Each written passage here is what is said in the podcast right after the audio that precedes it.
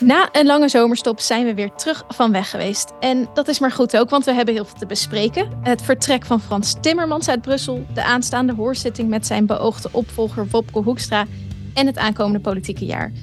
Want welke klimaat- en milieuwetgeving kunnen we de komende maanden nog verwachten? En dan is het ook nog eens een herfst vol verkiezingen in Europa, die we hier natuurlijk ook moeten voorbeschouwen. Welkom bij Bellen met Bas, de podcast over Europese politiek waarin we bijpraten met GroenLinks-Europarlementariër Bas Eickhout. Mijn naam is Mijke Vedder.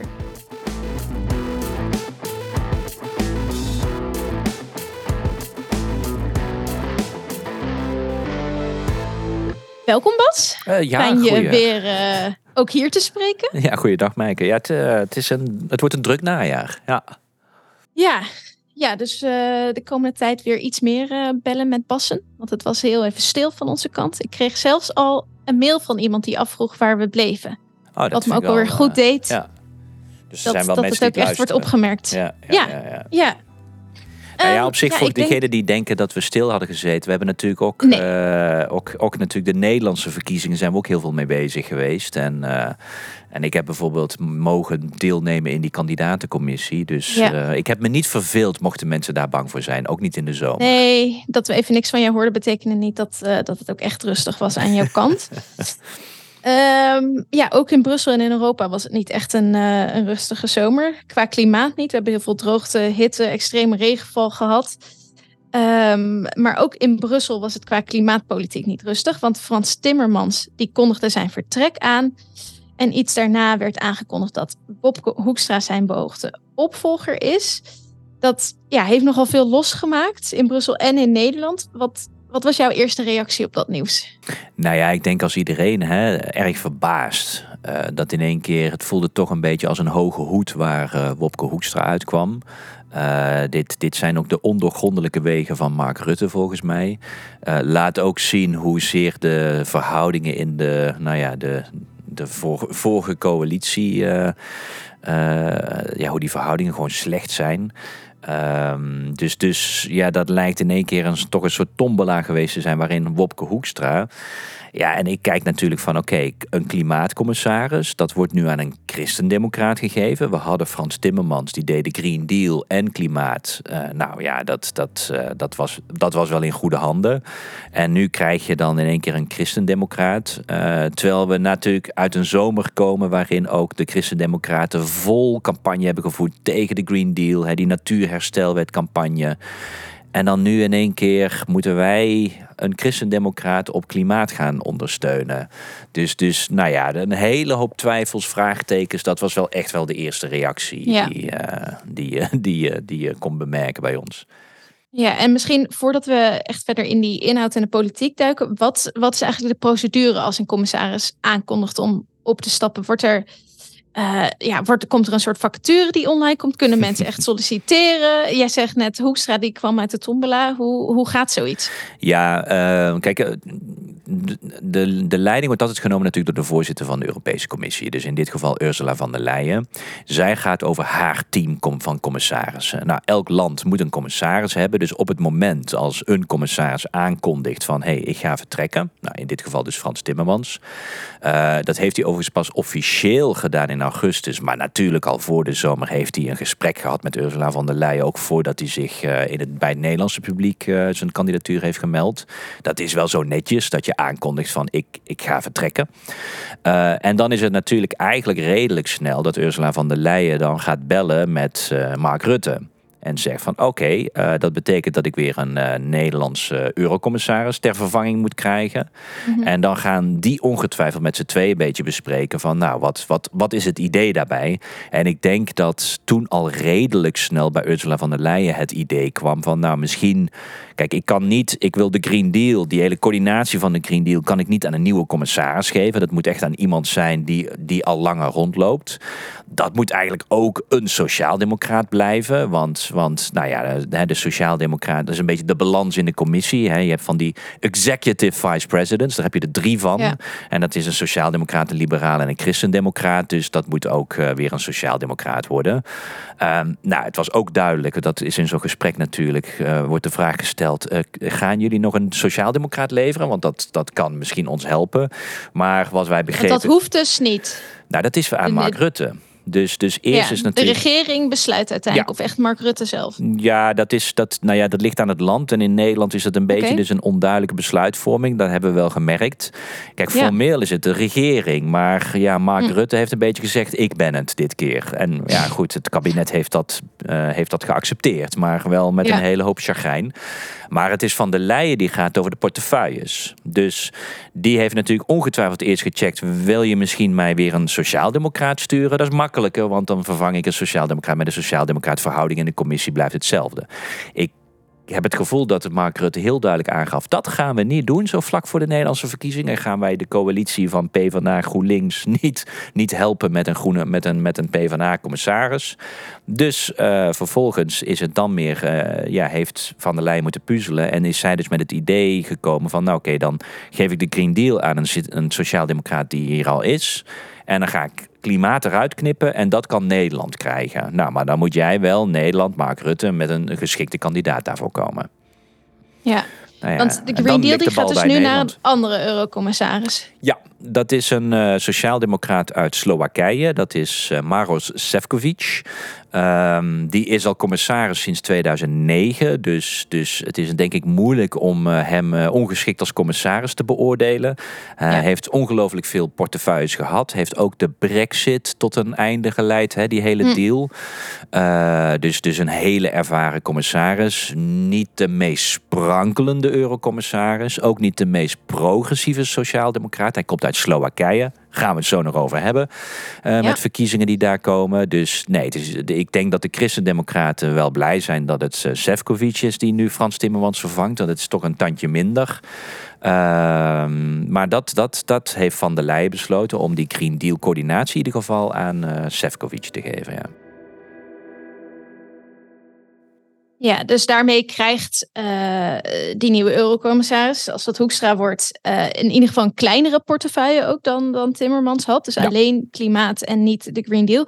Maar voor mij waren die twee dingen wel altijd heel nauw met elkaar verbonden. De Green Deal eh, moet eigenlijk uitvoering geven aan de, de klimaatwet en dat op allerlei terreinen in de praktijk brengen. Ja, zeg ik dat goed? Nee. Vertel me, hoe zit het wel? Leuk dat je het vraagt, Meike. Uh, ja. Nee, dat is natuurlijk ook uh, wat, wat best wel vaker verwarring is uh, in het, in het, ehm, in het, bij het grotere publiek. Sowieso is heel vaak het idee: klimaat is Green Deal en Green Deal is klimaat. Maar echt waar, vanaf het begin is de Green Deal altijd echt een hele brede milieuagenda geweest, die ook echt sociaal-economisch helemaal inge, uh, ingebouwd wordt. Dus dat gaat over natuur, dat gaat over de toekomst van onze industrie, dat gaat over circulaire economie, dat gaat over een schone economie op alle fronten, dus bodem, water, lucht. Dat is een heel breed palet uh, waar klimaat natuurlijk een belangrijk onderdeel is, maar de Green Deal was altijd veel breder. Dus, ja. uh, dus nee, het is niet een voorwaarde. Nee, je zou meer zeggen, de Green Deal is het overkoepelende visie waar wij willen staan in 2050. En een belangrijk onderdeel daarvan is dat wij ook klimaatneutraal in 2050 willen zijn. En daar komt dan de klimaatagenda om de hoek kijken. Ja, dus het is niet per se problematisch dat die twee dingen nu bij verschillende eurocommissarissen komen te liggen. Nee, dit kun je op twee manieren lezen. Je kan enerzijds denken: oké, dit is wel jammer, want dit knipt weer een beetje toch de Green Deal wat verderop in stukjes. Je kan ook denken: nou, dit levert weer twee commissarissen die aan de Green Deal werken. Ja, op. meer dus, aandacht. Ja, dus, dus ook het geluid in dat college, hè, een soort ministerraad. Het is ook soms gewoon een ordinair touwtrekken voor wetgeving. En dan is het juist wel weer fijn dat er wat meer mensen met een Green Deal insteek in dat college zitten. Soms zat Frans Timmermans en wel heel erg alleen met alleen onze milieucommissaris Ja. Oké, en uh, je legde net al uit wat de Green Deal dan is, maar wat valt er dan precies onder dat takenpakket uh, wat, wat Hoekstra zou krijgen, het, het, klimaatactiepakket? Ja, dat is, dat is natuurlijk een beperkte, want we zitten aan het eind van onze termijn. Dus uh, verkiezingen zijn in juni 2024. Dus de commissie is wel een beetje nou, in, het, in het stadium gekomen van wetten die nu op tafel liggen, die moeten afgerond worden. En ja, we zijn wel een beetje richting verkiezingen aan het gaan. Dus, dus de agenda is wat beperkt. Uh, ik denk twee belangrijke elementen die uh, Wopke Hoekstra moet doen naast het afronden van bestaande wetgeving. Is enerzijds natuurlijk de internationale klimaatonderhandelingen. We hebben COP28, hè, dus de komende klimaattop uh, in de Verenigde Arabische Emiraten. Nou, altijd, ja. altijd gezellig. Um, dat is ja, een hele... gaan we het in een volgende aflevering ja, precies. nog over hebben. Ja, en dat is een belangrijke klimaattop, omdat dit echt natuurlijk gaat over dat de wereld echt meer moet gaan doen om, om nou ja, die klimaatverandering die we nu al zien, waar je het net over had, om dat tegen te gaan. Nou ja, dat, die onderhandelingen gaat Wopke Hoekstra, hè, dat is, die is dan beoogd commissaris die dat gaat voorzitten, samen met alle... Ja, want de EU die opereert daar als één, ja. Uh, um, ja, hoe noem je dat? Ja, met één stem. Ja, dus, ja. dus ja, kijk, en de, formeel, de gaat die stem vertegenwoordigen. Ja, kijk, formeel zit Europa daar. Dus de EU is een, is een partij in de klimaatconventie, maar ook alle landen. Dus daar heb je 27 landen en de EU. Dus we hebben 28 actoren die allemaal partij zijn in de klimaatconventie. Hm. Maar wat we proberen is dat te coördineren, zodat we met één stem spreken. En die coördinatie ligt echt in de handen van de Europese Commissie. En dat zal dus dan Wopke Hoekstra zijn. En die moet die 27 ministers die daar zijn, een beetje, zeg maar, dat zijn 27 kikkers, die moet hij in die kruiwagen houden, zodat wij met één stem blijven spreken. Dus dat is een hele belangrijke taak. Dat zal zijn in december. Nou, dat, dat is een hele belangrijke taak voor de klimaatcommissaris tweede punt wat heel belangrijk is, is de discussie uh, rondom nieuwe klimaatdoelstellingen. Ik, ik weet dat sommige mensen denken, wat, we zijn net klaar met, met wat wetgeving rondom 2030. Maar door de verplichting van die internationale onderhandelingen moet, uh, moeten landen, dus ook de Europese Unie, gaan nadenken over wat doen wij na 2030. Nou, de EU heeft gezegd dat betekent dat wij gaan nadenken over een 2040 doelstelling. En eigenlijk uh, is volgend jaar de Europese Commissie verplicht met een 2040 doelstelling te komen. Nou, dat gaat waarschijnlijk niet voor de verkiezingen komen. Dat, ja, dat, is, dat is misschien ook een inzet van de verkiezingen. Uh, maar dat moet wel voorbereid worden. Dus er gaat wel een communicatie komen. En er gaat wel een richting komen waar de commissie aan denkt. Welk doel voor 2040? Nou, en dat moet worden voorbereid door de klimaatcommissaris. Dus beoogd Wopke Hoekstra. Ja. ja, en dit zijn ook volgens mij precies de punten waar heel veel mensen kritisch op zijn. Omdat hij dus eigenlijk, uh, voor zover ik weet, geen ervaring heeft op het gebied van klimaatonderhandelingen en uh, klimaatdoelen opstellen. Hoe, ja. hoe kijk jij daarnaar? Is dat, is dat nodig? Is, maakt dat hem meteen ongeschikt? Nou, het maakt ons wel sceptisch. Kijk, uh, we hebben maar kort tijd. Uh, hij moet meteen in december internationale klimaatonderhandelingen coördineren namens Europa. Nogal belangrijke klimaatonderhandelingen. En hij moet meteen een proces voorbereiden wat echt voor juni tot, tot een 2040 communicatie moet leiden. Dus je hebt vrij weinig tijd om je in te werken. Uh, je kan natuurlijk zeggen van, nou kijk, wij moeten eigenlijk altijd iemand beoordelen op twee vragen. Is hij geschikt voor, voor eurocommissaris? En dan ten tweede, is die geschikt voor de portefeuille die hem is toebedeeld door Ursula van der Leyen? Nou, kijk, in alle oprechtheid, het is erg moeilijk om te zeggen dat, dat Wopke Hoekstra ongeschikt is als commissaris. Ik bedoel, hij is vicepremier geweest, hij is minister van Financiën geweest, minister van Buitenlandse Zaken. Ja, ik zeg niet dat hij dat allemaal denderend heeft gedaan, maar het is ook niet een totale ramp geworden. Uh, ja, dan is het moeilijk om te zeggen, nou, dan kan hij niet eurocommissaris worden. Maar op klimaat, ja, ik zou zeggen, Google is op klimaat en Hoekstra. Je komt niet heel veel meer tegen dan investeringsklimaat. Dus ja. dus ja, daar heeft hij gewoon echt heel weinig ervaring laten zien. En je hebt niet heel veel tijd om je in te werken. Dus daar zitten wel echt onze twijfels. Ja.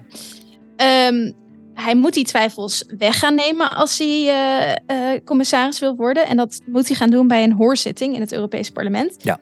Hij heeft namelijk nu eigenlijk uh, een eerste stap genomen, volgens mij. Een sollicitatiegesprek met von der Leyen heeft hij gehad. Dat leek volgens mij meer een, een formaliteit. Maar nu moet hij op 2 oktober verschijnen voor de Milieucommissie van het ja. Europese Parlement. In Straatsburg gaat dat gebeuren. Nou ja, dat is dus heel spannend, omdat zijn kandidatuur echt al omstreden is. Um, hij is nu bezig om zichzelf heel snel in te gaan lezen ja. uh, in deze materie. Je hebt hem ook al gesproken hierover. Twee wat, keer. Wat was twee keer zelfs? Wat ja. was toen je indruk? Zijn je zorgen al een beetje weggenomen, erger geworden? Nou ja, kijk, hij uh, even dus de, het was op zich wat, wat met Van der Leyen was natuurlijk een formaliteit, omdat die hebben natuurlijk contact van tevoren gehad. Dus Kijk, zij gaat niet met iets eh, voorstellen en dan, uh, en dan vervolgens gaat ze hem spreken en dan daarna nee, nou het is toch niks. Bedoel, dan moet je het wel echt heel erg verschrikkelijk heel geks ja, dan, dan, dan, dan, had hij daar ter plekke iemand moeten vermoorden. Volgens mij wil ze zeggen, nou misschien is dat niet helemaal een goed idee. Dus dat was natuurlijk duidelijk dat, dat ja, Ursula van der Leyen het aansturen was om uh, hem die klimaatcommissaris te maken. Maar goed, dat gesprek moet even plaatsvinden. En ook het moment dat, van, dat Hoekstra naar buiten liep en tegen journalisten zei, het is nu aan Ursula van der Leyen ik ga hier verder niks over zeggen. Uh, nou, ik denk ongeveer terwijl hij dat aan het zeggen was, kwam de e-mail van Van der Leyen er al uit met zijn mission letter. En dit verwacht ik van u. Die was al opgesteld. Ja, ja, ja dat, dat, dat, zo snel typen ze ook weer niet bij de commissie. Dat is echt anders bij de Milieucommissie van het parlement. De parlement het parlement moet uiteindelijk akkoord gaan met deze voordracht. Uh, en, en daar gaan wij een hoorzitting voor doen. Overigens interessant dat ook in Nederland wederom een discussie is. Moeten we dat ook niet met ministers gaan doen? Ik denk oprecht dat dat een goed idee is. Uh, omdat het echt wel goed functioneert in het Europese parlement.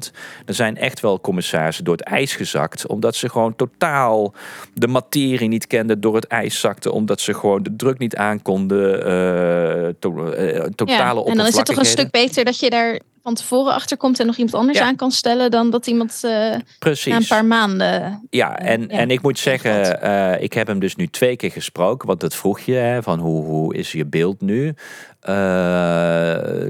De eerste keer dat ik hem sprak was het echt in zijn eerste week waarin hij echt begon. En toen wilde hij natuurlijk al vrij snel even horen van, nou, waar zitten onze zorgen?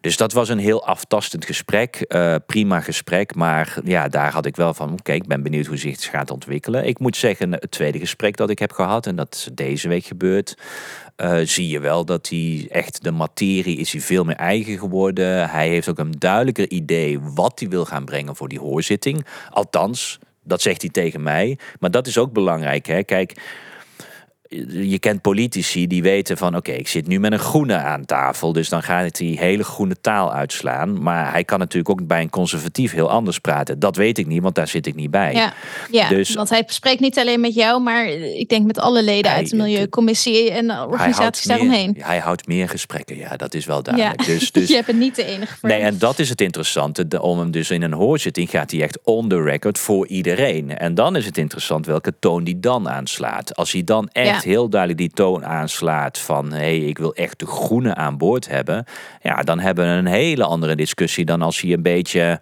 nou ja, het typische commissievaag, beetje middengebied houden en iedereen naar de mond praten ja, dan hebben we een hele andere discussie. Dus, dus eh, ik kreeg in ieder geval meer het gevoel dat hij weet wat hij wil.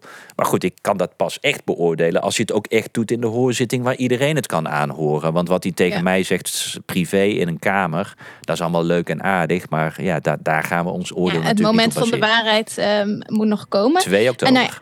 Ja, hij, hij bereidt zich daar nu druk op voor. Maar ik, ik neem aan dat jij dat ook doet. Ja. Um, wat, wat ga jij hem vragen tijdens zo'n hoorzitting? En wat vind je dat hij echt moet laten zien om een, een stem voor van jou te krijgen? Ja, Um, denk je dat ik dat nou tegen jou ga zeggen, Maaike? want, want Wopke luistert mee. Ik weet niet dat Wopke luistert, maar nou, wie weet. Misschien dat hij deze toch nog even meepikt. Uh, dus uh, Maaike, ik zeg heel veel tegen jou, maar de, deze ga ik toch een beetje ontwijken, deze. Nee, maar dat heeft er natuurlijk ook mee te maken dat ik ga ook nog met mijn groene collega's. Hè, we hebben drie slots waarin we vragen kunnen stellen. Dus ik ga met mijn collega's natuurlijk wel een beetje van, oké, wat gaan we vragen? Hoe gaan we dat verdelen? Uh, kijk, wat ik belangrijk vind om te horen is natuurlijk... wordt die concreter op die thema's waar het over gaat. Dus dat betekent die internationale klimaatonderhandelingen en uh, dat 2040. Die mission letter die Van der Leyen heeft geschreven... beste Wopke, dit verwacht ik van jou... die is super vaag en algemeen. En ik heb wel heel duidelijk tegen Wop Koestra gezegd, en dat beaamt hij natuurlijk ook wel, van ja, als je zo vaag blijft, dan, dan, dan gaat het... Als hij dat herhaalt, is het niet genoeg. Nee, dan gaat het hem niet worden. Hij moet echt wel die invulling geven hieraan. Nou, dat, dat, uh, dus daar, daar gaan we zeker naar vragen. Um, het tweede is toch ook wel een beetje de dynamiek van het Europees parlement moet natuurlijk scherper worden. Uh, hè, uh, Wopke Hoekstra komt ieder, of zit, was in ieder geval partijleider van een partij die bijvoorbeeld een grote campagne tegen die natuurherstelwet. En eigenlijk ook heel expliciet hier in Brussel heeft gezegd van ja, klimaat vinden we allemaal oké, maar die rest van die Green Deal, dat moet eigenlijk maar een beetje op een pauzeknop, uh, moet op een laag vuurtje, moet ophouden. Daar is het natuurlijk duidelijk dat wij willen testen van wat voor een christendemocraat zit hier. Zit hier een christendemocraat die echt wel gaat zeggen, nou op klimaat ga ik wat leuke dingen doen en de rest kan gewoon een beetje on hold. Ja, dan hebben we ook een probleem. Of gaat hier een christendemocraat zitten die zeggen, nee, ik zie ook wel die bredere agenda van de Green Deal en daar moet ook op geleverd worden. Ja, daar zal hij ook echt in die hoorzitting wat over moeten zeggen. Anders, uh, anders is het ook, uh, het gaat niet alleen maar over puur zijn 2040 klimaatdoelstelling. Nee, en heb je al een idee hoe de rest van de, de Milieucommissie hierin staat? Want, nou ja, jij klinkt best wel uh, kritisch. Ik neem aan dat de andere christen-democraten hem zullen steunen. Ja, kijk, hij lijkt, hij lijkt weinig zorgen te hoeven te maken voor de christendemocraten. Hè. Het is de familie uh, en, en onderschat dat gewoon niet. Dat willen we in Nederland wel eens over het hoofd zien. Maar echt, van welke politieke familie je bent, dat is allemaal heel belangrijk in de Brusselse politiek. Dus de christendemocraten zijn heel erg, uh, heel erg natuurlijk Hoekstra aan het beschermen.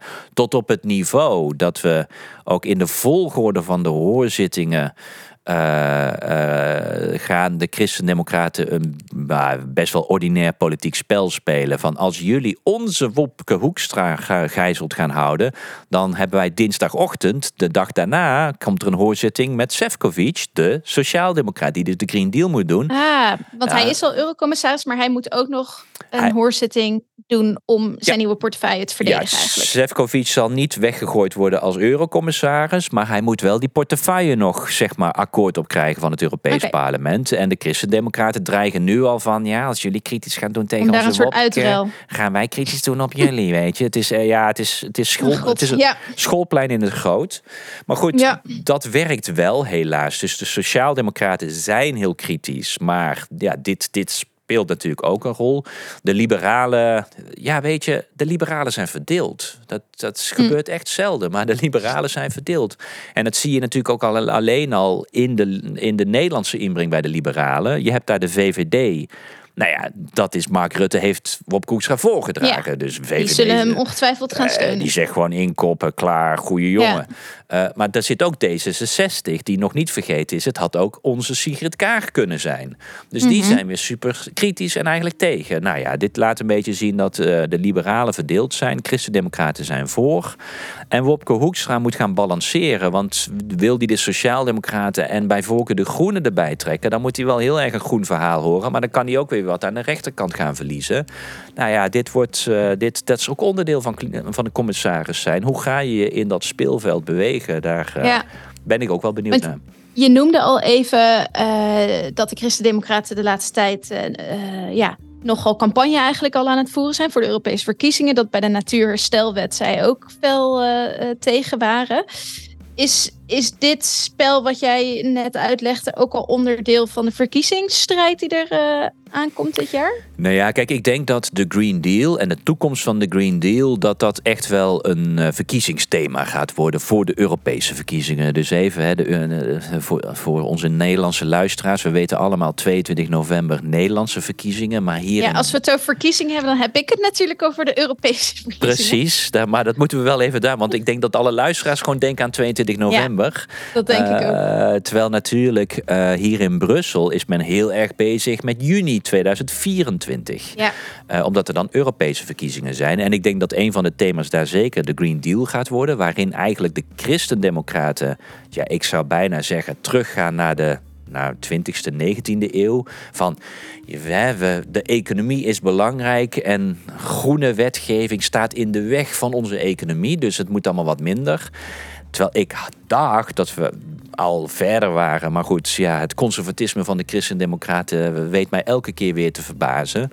Ehm, terwijl natuurlijk de toekomst van onze Europese industrie is juist afhankelijk van een ambitieuze Green Deal. Want de, economie gaat veranderen en als Europa de enige manier om voorop te blijven lopen is door in te zetten juist op voorop met innovatie voor de Green Deal. Dus de Green Deal is een voorwaarde voor de toekomst van onze industrie.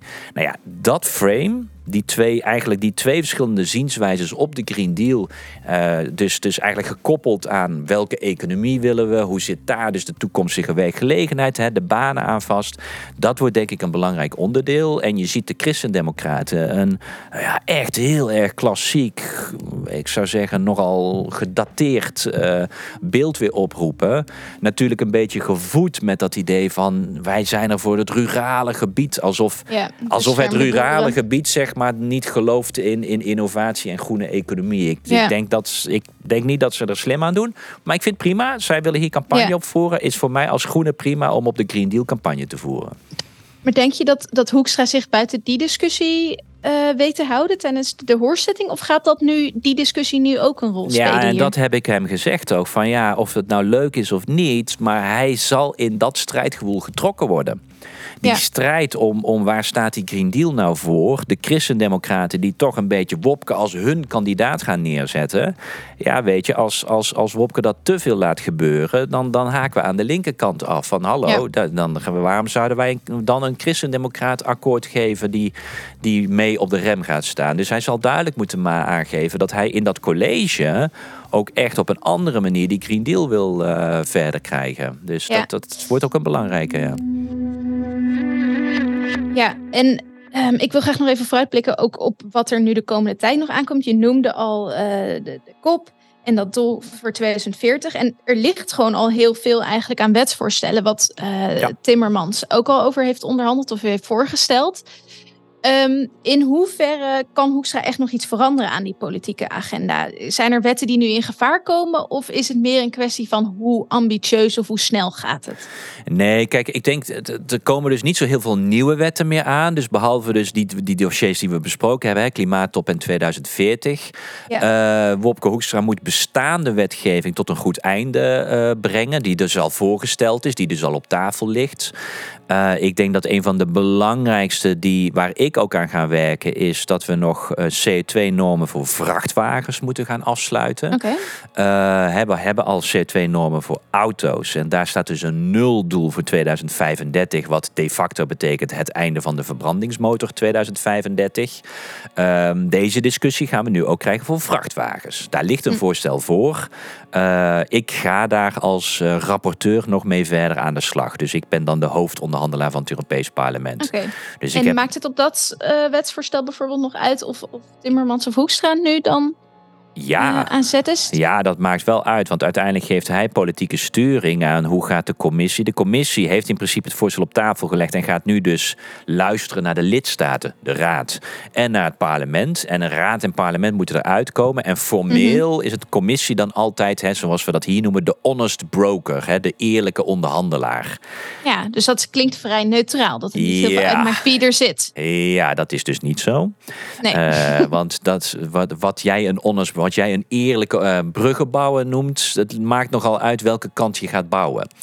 En, uh, en daar maakt het echt wel uit welke commissaris daar zit. Dus ook daar heeft, is het wel degelijk van belang dat Wopke Hoekstra hopelijk de brug gaat bouwen aan de ambitieuze kant van hopelijk het parlement. Want het parlement moet nog eens tot een stemming komen. Maar dat is natuurlijk onze inzet, dat we ambitieus zijn. Ambitieuzer dan de lidstaten, dat is meestal niet zo moeilijk. En dan uh, moeten we in onderhandelingen, ja, gaat de commissie ons een beetje helpen om aan de goede kant te staan. Dus dat, dat is. Uh, ja, en, en even. Het maakt wel degelijk uit. Het maakt wel degelijk uit. Maar ik denk wat verder meer belangrijk wordt, is natuurlijk een beetje.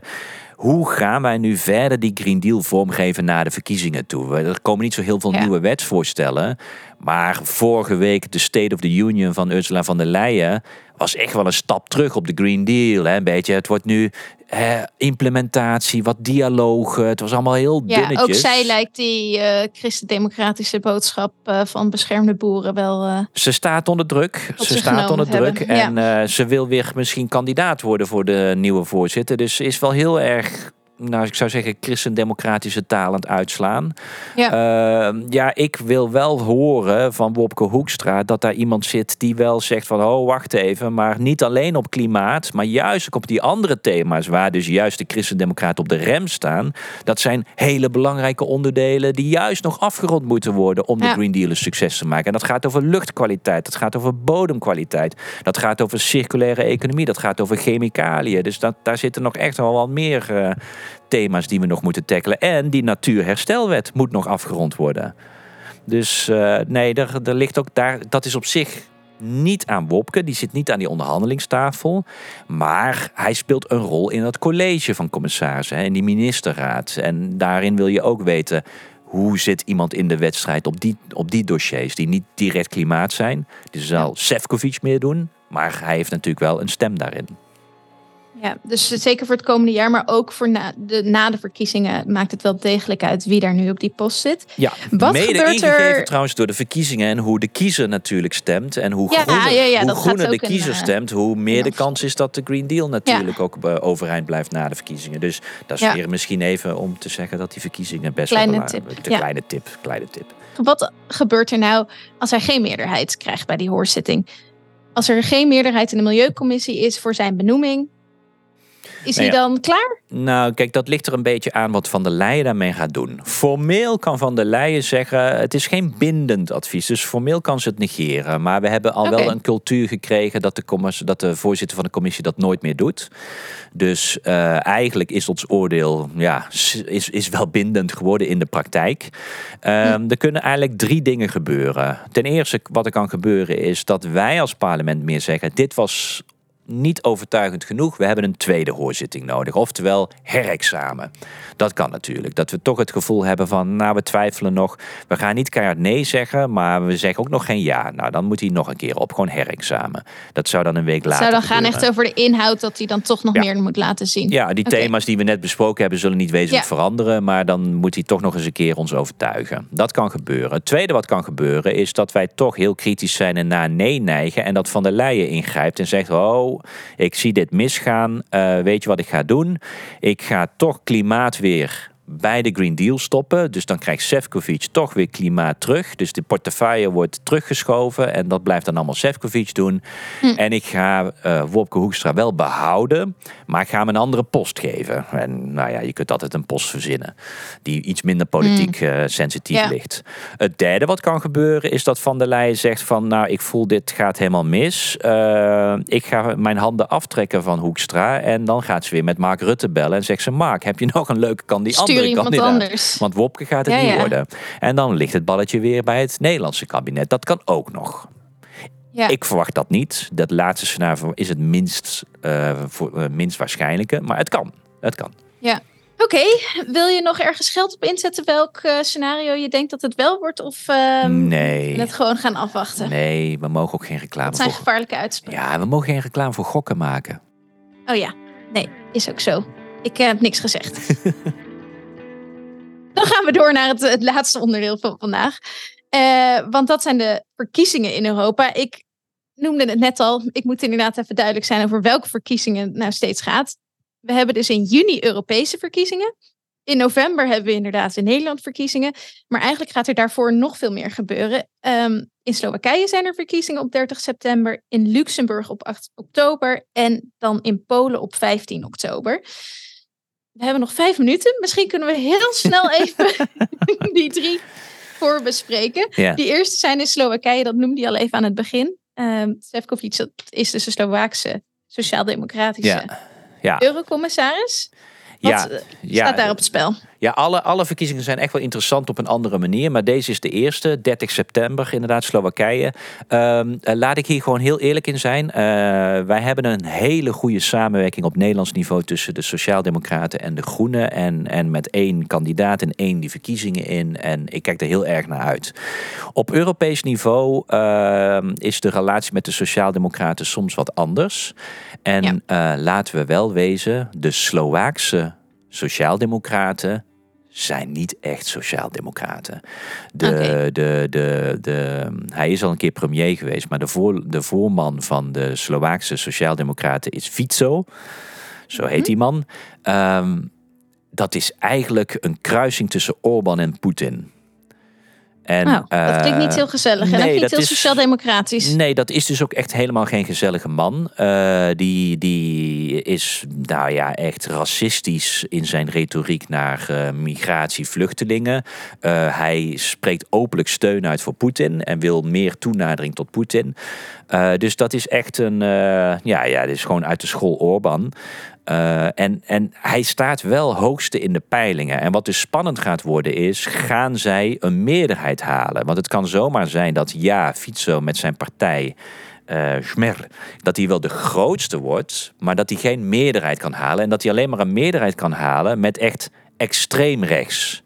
En dan hm. bedoel ik zo extreem rechts dat zelfs hier in het Europees Parlement die partij niet eens bij een fractie zit.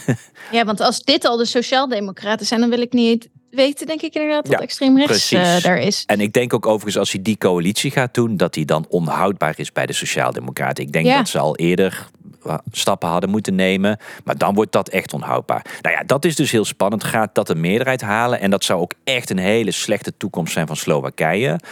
De kans is ook dat ja, ja, de Sociaaldemocraten wel als eerste eindigen, maar dat ze gewoon geen meerderheid kunnen bouwen. En dan heb je juist weer hele pro-Europese coalities met de tweede en de derde. Uh, waarin met name dan uh, een partij die nu tweede staat, uh, met liberalen, waarin de huidige premierskandidaat ook juist een Europarlementariër, dus een collega van mij is. En dat is een hele geschikte kerel. En dan heb je een totaal andere premier. Dus het kan echt heel, twee hele verschillende kanten op gaan. Dus, dus die Slovaakse verkiezingen, ja, niemand heeft het erover. Is eigenlijk onterecht. Slovaakse verkiezingen worden echt wel belangrijk. Of we gewoon weer een nieuw, uh, nieuwe Poetin-puppet uh, gaan krijgen in, in de raad dan uiteindelijk. Nou ja, dat wordt een hele belangrijke. Zal ik even doorgaan naar Luxemburg? Ja, we gaan meteen even, door. Want daar hebben we uh, de Groenen in de regering zitten. Dus dat is ook altijd erg interessant. Er zitten liberale, sociaaldemocraten en Groenen in de huidige regering. Ja. Maar dat is volgens mij ook niet gegeven dat die door kunnen. Nee, het is een soort Luxemburgs paars, zeg maar, maar dan met groene erbij. Mhm. Omdat een, een, een D66 niet bestaat in Luxemburg. Dus je hebt uh, liberale sociaaldemocraten en uh, nou ja, groenen. Uh, en er was natuurlijk heel lang, waren de christendemocraten aan de macht in, in Luxemburg. ik denk dat iedereen wel de vorige christendemocratische leider kent van, van Luxemburg. Jean-Claude Juncker. Ja. dus, dus de vorige verkiezingen voor de echt sinds een lange tijd de christendemocraten eruit gegooid. Eindelijk, hè, de, de, zeg maar, dat was wat wij in 1994 in Nederland hadden. Eindelijk geen christendemocraten meer. Paars. Nou, Paars 1 uh, eh, met groene is redelijk succesvol. Alleen, ja, gaan ze wel of niet de meerderheid halen? Dat wordt een krappe. De groenen staan wat op verlies. De sociaaldemocraten juist weer wat op winst. De liberalen waren het grootst. Dat gaat waarschijnlijk wel blijven. Maar gaat dat een meerderheid blijven? Als dat niet zo is, ik denk dat iedereen graag door wil, wil met deze coalitie. Maar als ze die meerderheid niet halen, ja, dan in één keer staan die christendemocraten weer om de hoek. Ja, dan ligt de bal weer bij hun. Ja, ja. Eh, dus dat kan ook weer dan voor veel onzekerheid. Ik denk dat ze het wel gaan halen, meerderheid hoor. En dan heb je redelijk snel paars 2 zeg maar doorgezet. Maar wel met andere verhoudingen waar helaas de groenen wel iets, iets minder erin komen. Dat is het jammer. Ja. Oké, nou dat gaan we zien op 8 oktober. En dan een week daarna, 15 oktober, zijn misschien wel de belangrijkste verkiezingen. Uh, die in Polen. En die worden volgens mij vooral, ja, het heel spannend. Omdat daar nu voor het eerst um, de oppositiepartijen zich hebben verenigd in een gezamenlijk blok. Waardoor ze nu echt mogelijk de regeringspartij kunnen gaan verslaan. Hoe kijk jij daarnaar? Ja, nog niet helemaal. Dus, dus er is nog steeds wel wat verdeeldheid. Maar uiteindelijk bijvoorbeeld de. Tussen die oppositiepartijen. Ja, ja nee, dus je hebt nog wat, wat verschillende kleuren daarnaast. Maar goed, het gaat in principe wel tussen twee grote blokken. Aan de ene kant heb je dus de erg conservatieve PIS-partij. Blijf het leuk vinden. Uh, dus dat is, dat, die zitten nu in de regering, super conservatief. Nu ook ruzie aan het maken met Oekraïne zelfs. Uh, dus dat is echt een, een, uh, ja, echt een hele conservatieve partij. Staat ook rechts van de christendemocraten. Ja, um, en liggen eigenlijk al jaren op ramkoers met de Europese Unie door precies, dus de uitholling van de rechtsstaat en de democratie. discussie. En zit dus in een fractie van Ja 21, ook altijd even ja. benadrukken. En de SGP zit in dezelfde fractie als de PIS-partij, dames en heren. Hm. Dan weten we genoeg over Ja 21 en de SGP. Uh, ja. Dit terzijde. Uh, en daartegenover staat dus dan het uh, de platform, het burgerplatform. En dat is onder leiding van Tusk, die we natuurlijk al wel wat eerder kennen. Is al eerder premier geweest, is ook voorzitter van de raad geweest. Ja, in Brussel wel bekend ook. Precies. En die leidt dat, dat nou ja, het platform, het burgerplatform en de Poolse Groenen hebben zich daarbij aangesloten. Maar dat is natuurlijk, dat laat wat zien over de dynamiek in Polen. Tusk is een christendemocraat en de, Euro de Poolse Groenen zitten nu in de coalitie met de christendemocraten om maar de echte conservatieven van de PIS-partij tegen te houden. Dat is, uh, in vergelijking met GroenLinks-PVDA-samenwerking is dit nog een heel veel bredere uh, samenwerking waar heel veel verschillen ja. overbrugd moeten en worden. En dat laat ook zien hoezeer uh, de, de, het Poolse landschap toch echt wel wat rechtser is dan in menig ander land. Hmm. En daarin is het dus eigenlijk een discussie: wordt het, wordt het, wordt het de christendemocraten, Tusk of de, nou ja, zou zeggen, de, de echte, echte conservatieve, uh, de PIS-partij. Ja. Uh, en dat wordt wel een tweestrijd. En het is ook heel duidelijk, die twee kunnen nooit met elkaar samenwerken. Waarschijnlijk gaan ze geen van beide meerderheid halen. Dan moeten ze weer een coalitie. Want ja, wees gewaarschuwd, ook in Polen heb je nog rechts van die PIS-partij staat er nog een partij. Ja. Dus er kan zomaar een coalitie worden van de PIS-partij met nog rechtser. Dus, dus ja. Nou ja, dat laat wel een beetje zien dat landschap van Polen is wel het meest zorgwekkend. Ook omdat dat natuurlijk een heel groot land is. Dus uh, nee, ik denk dat de Poolse verkiezingen 15 15 oktober nog de belangrijkste worden. Voor 22 november um, natuurlijk. Ja, ook erg belangrijk. Ook erg belangrijk. Um, daar wou ik nog even een mededeling bij doen bij verkiezingen. Want omdat dat ook voor de EU zulke belangrijke verkiezingen zijn, um, hebben wij daar een evenement omheen georganiseerd. Op 15 oktober gaan we samen met onze andere Europarlementariër Tineke Strik die uh, verkiezingen voorbeschouwen en dan ook de exit polls kijken. Um, dat is op 15 oktober, de dag van de verkiezingen in de Tolhuistuin in Amsterdam. En ik zal daarvoor het linkje ook even delen bij de podcast, dat je je daarvoor ja, aan kan melden. Het belooft echt een leuke avond te worden. Een interessante avond. Echt, als je van Europese politiek bent, moet je deze verkiezingen echt wel blijven gaan volgen. Ja. Mag ik nog wel zeggen dat op 8 oktober er ook nog deelstaatverkiezingen in Duitsland zijn, die ook nog wel belangrijk zijn. Oh, omdat... zijn we er ook nog even vergeten? Nou ja, dat nee, is jij niet, vertel. Er zijn geen nationale verkiezingen, maar goed, deelstaatverkiezingen in Duitsland zijn altijd weer heel bepalend voor de koers van de nationale regering. En nou, Duitsland is een groot land, dus doen die ertoe. Uh, en dat is zowel in Hessen, die is iets saaier. Uh, uh, daar lijkt wel een coalitie van Christen-Democraten en Groenen in stand te kunnen blijven. Uh, Hessen, hè, Frankfurt ligt in Hessen. Uh, Maar de belangrijkste daar is Bayern, hè, Bavaria, Bayern. toch, mm -hmm. nou ja, Freistaat Bayern. Um, waar je de CSU hebt, dus eigenlijk weer de, de, de conservatief-katholieke tak van de CDU. Um, ehm, en die zijn echt in strijd gewikkeld met de Groenen. Uh, nou zal de CSU altijd groter zijn, maar de Groenen kunnen echt tweede worden daar. En uh, nou ja, wordt interessant welke coalitie we daar gaan krijgen. Dus de Bayernse verkiezingen, deelstaatverkiezingen, zijn ook nog interessant. Moeten we ook in de gaten stiekem houden. Wel, stiekem wel. Oké, nou ik denk dat we elkaar uh, een stuk sneller weer gaan spreken dan, dan we de afgelopen tijd hebben gedaan. De zomerpauze dus zit dan, erop. ja, dus dan gaan we en de hoorzitting van Hoekstra nabespreken en al deze verkiezingen. Voor nu in ieder geval heel erg bedankt. Graag gedaan. Doei. Doei doei. Dit was Bellen met Bas, een podcast van GroenLinks Europa en de Groenen in het Europees Parlement. We horen graag van je. Laat je reactie achter op vriendvandeshow.nl slash bellen met Bas en meld je aan voor onze Europa-update op europa.groenlinks.nl. De audiovormgeving is door Studio Cloak. Tot een volgende keer!